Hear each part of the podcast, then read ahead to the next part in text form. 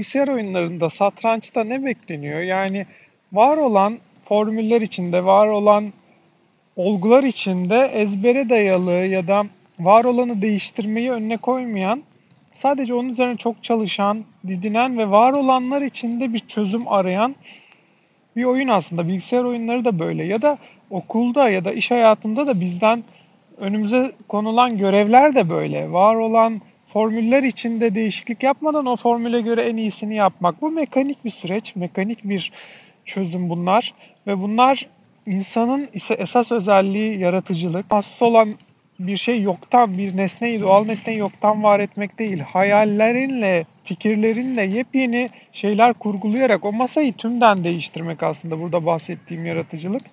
Ve insanın en büyük yeteneği bu. Bunu geliştirmek için de felsefeyi ve insanın düşüncesini geliştirmesi gerekiyor.